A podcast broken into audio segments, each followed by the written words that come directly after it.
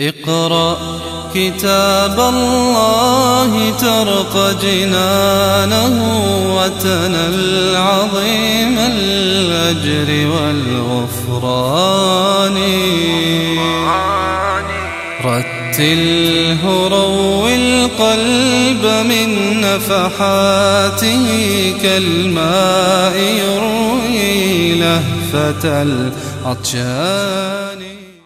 قال الله عز وجل قل إن الأولين والآخرين أنتم وآباؤكم الأولون لمجموعون. إذا البعث ليس يعني تدريجا أو تقسيطا أو جيلا يبعث وجيل آخر يموت لا. البعث هو لحظة واحدة للناس كلهم.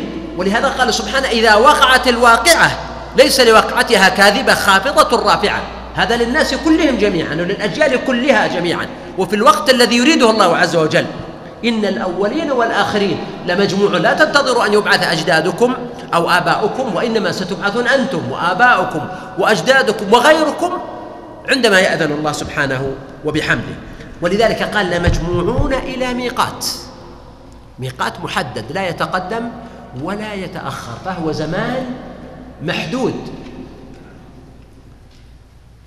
وقوله إلى ميقات. لم يقل لمجموعون لميقات كما في مواضع أخرى فقال هنا لمجموعون إلى ميقات. وإلى تدل على الإمهال والتأجيل كأنه قال منظرون أو مؤجلون. إلى ذلك الميقات الذي جعله الله تعالى لقيام الأرواح والأجساد إلى ميقات يوم معلوم معلوم محدد. وفي ذلك يعني نسبة لهم إلى الجهل أنه هذا اليوم يوم معلوم معلوم عند الرسل والأنبياء ومعلوم في الكتب السماوية ولذلك يكاد أن يجمع البشر عليه بل العقول والفطر السليمة تدل عليه لأن الحياة الدنيا يعني الذي خلق هذه الحياة بكل ما فيها من الحكمة والمصالح من كمال حكمته سبحانه أن يكون لها بقية الحياة هي فصل فقط وفصل قصير أيضا. والحياة تكون فيها المظلوم والظالم ويموتون دون أن يقتص أحدهم للآخر. فلا بد من فصل آخر ومرحلة أخرى. يعود فيها الأمر إلى نصابه وينتصر المظلوم من الظالم ويأخذ كل أحد حقه. وتبين من ورائه الحكمة في خلق الناس وفي امتحانهم. ثم إنكم بعد الجمع أيها الضالون المكذبون. لآكلون من شجر من زقوم وهو من شجر النار وهذا وعيد شديد لهم يتزقمونه وهو شجر شديد شديد المرارة كثير الشوك عظيم الضر فمالئون منها البطون كما كانوا منعمين ومترفين. في الدنيا فإذا شربوا احتاجوا إلى الماء فإذا أكلوا احتاجوا إلى الماء كما يحتاج الآكل في الدنيا. قال فشاربون عليه من الحميم فشاربون شرب الهيم وقال آكلون شاربون. إشارة إلى أن هذا وضع مستمر بالنسبة لهم حتى أصبح جزءا من من كينونتهم ومن وجودهم فهو ليس شيئا عارضا. ولا وجبة واحدة وإنما هو أمر مستمر. قال فشاربون من هذا الحميم شرب الهيم والهيم عند الجمهور هي الإبل العطاش والإبل يصيبها داء يسمى داء الهيام بحيث أنها تشرب دائما ولا تروى وهذا معروف عند العرب. فقال فشاربون شرب الهيم يعني الإبل العطشة التي تشرب ولا تروى. وقيل إن الهيم المقصود فيها الرمال الممتدة التي مهما يصب الإنسان فيها من الماء فإنها تشربه وتبتلعه. قال تعالى هذا نزلهم يوم الدين. هذا ليس كل ما هنالك يعني. لا هذا مجرد النزل. النزل هي الضيافة الأولية التي تقدم للضيف. إذا أول ما يأتي الضيف قبل أن تقدم له الطعام والوجبة يقدم له نزلا معروفا عند العرب يكون فيه بعض الأطعمة والمقبلات والمشهيات. فربنا سبحانه يقول هذا نزلهم يوم الدين. هذه هي الوجبة الأولية وإلا فإن ما ينتظرهم من ألوان العقاب أشد من ذلك. تود التذكير أنه آه، أولا يعني الشكر لمكتب الدعوة الذي نظم وتوعية الجالية الذي نظم هذه الدورة. والشكر لكم أنتم على صبركم معنا يعني ثلاث ساعات يوميا في درس علمي هو أمر فيه صعوبة. لكن حسبكم أنكم في بيت من بيوت الله وتتلون كتاب الله وتتدارسونه بينكم. وأرجو الله تعالى أن ينزل عليكم رحمته وأن تغشاكم. ملائكته وأن يذكركم في الملأ الأعلى عنده ويتقبلكم في الصالحين. وأذكر أيضا أني يعني أعبر عن شكري لهذا الاهتمام لأنه ما شاء الله الشيخ الإمام أبو عمر حدثني أنه الذين سجلوا في الدورة آه، ما شاء الله أكثر من 800 ما بين ذكر وأنثى. وهذا رقم ممتاز ويدل فعلا على أن أهل هذا البلد متعطشون إلى الخير وراغبون فيه وأن تكرار مثل هذه الدورات أمر مفيد جدا لربط الناس بكتاب ربهم وبالمساجد أيضا.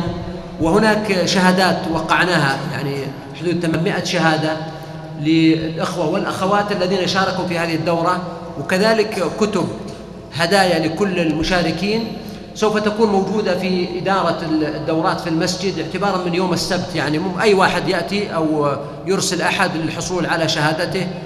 وأيضا يمكن التواصل الأخوة يتواصلون معكم عن طريق الجوالات.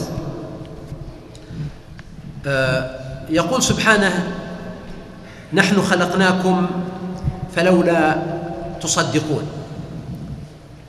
المشركون دائما كانت مشكلتهم الكبرى في التشكيك بالبعث إنه كيف تعود الأجساد إلى الحياة بعدما بليت وأرمت وانتهت وصارت ترابا. فالله سبحانه وتعالى بدأ في المجادلة معهم بقول نحن خلقناكم. يعني الخلق الأول هو أهون. الإعادة أهون من الخلق الأول. فالله سبحانه وتعالى يقول نحن خلقناكم يعني أنشأناكم من العدم. فلولا تصدقون بذلك فيحملكم هذا على الإيمان بأن النشأة الآخرة هي أهون عليه كما قال سبحانه. والأمر بالنسبة له جل وعز هو في قوله كن فيكون ولكن على سبيل الحساب والنظر العقلي أن الإعادة أهون من الابتداء. قال سبحانه في سياق عدد من الاحتجاجات عليهم على صدق البعث. قال أفرأيتم ما تمنون؟ أأنتم تخلقونه أم نحن الخالقون؟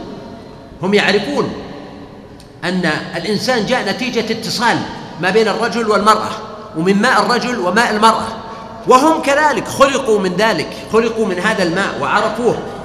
فالله سبحانه وتعالى يقول هنا هل أنتم الذين تخلقون هذا الماء وتحولون الماء إلى إنسان؟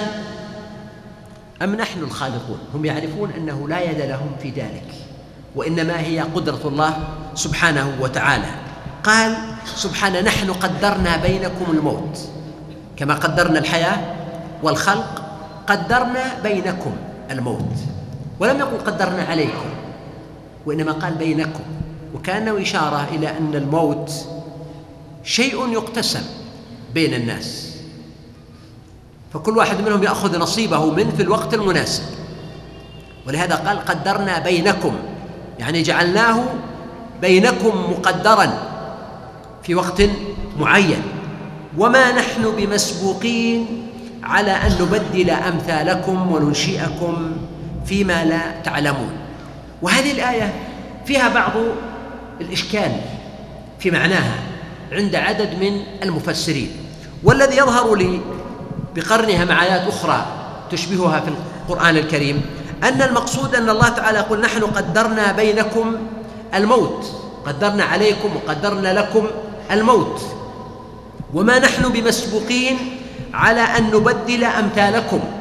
يعني أن تموتوا أنتم وتأتي أجيال بعدكم تخلفكم في هذه الأرض وتعيش كما عشتم. وننشئكم أنتم أيها المخاطبون فيما لا تعلمون. يعني في مراحل أخرى وحياة أخرى بعد الموت في البرزخ ثم القيامة ثم الحشر ثم الجنة أو النار فهذه المراحل التي لا يعلمونها. ولهذا هو قال عن يوم القيامة قال ميقات يوم معلوم وقال هنا فيما لا تعلمون يعني فيما تجادلون فيه أو فيما تنكرون. فهذا من أجود المعاني. قال سبحانه ولقد علمتم النشأة الأولى فلولا تذكرون. علمتم علمتم النشأة الأولى وأنها كانت من موت كانت من عدم وكانت من ماء مهين.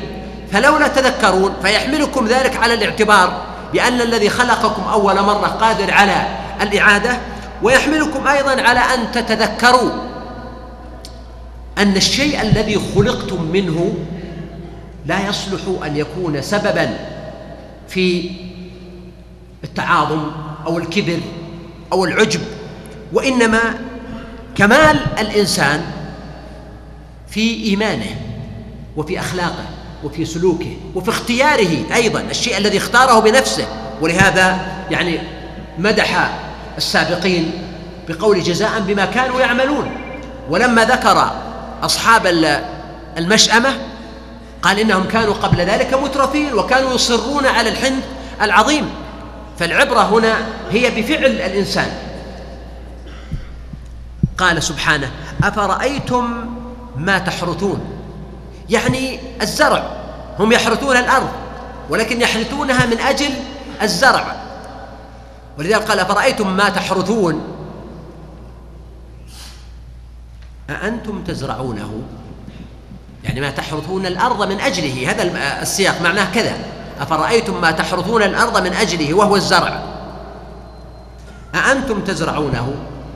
أم نحن الزارعون؟ هم يضعون الحب في الأرض. لكن الذي جعل في هذا الحب خاصية النمو وجعل هذه الحبة مثلها مثل الحيوان المنوي بالنسبة للإنسان.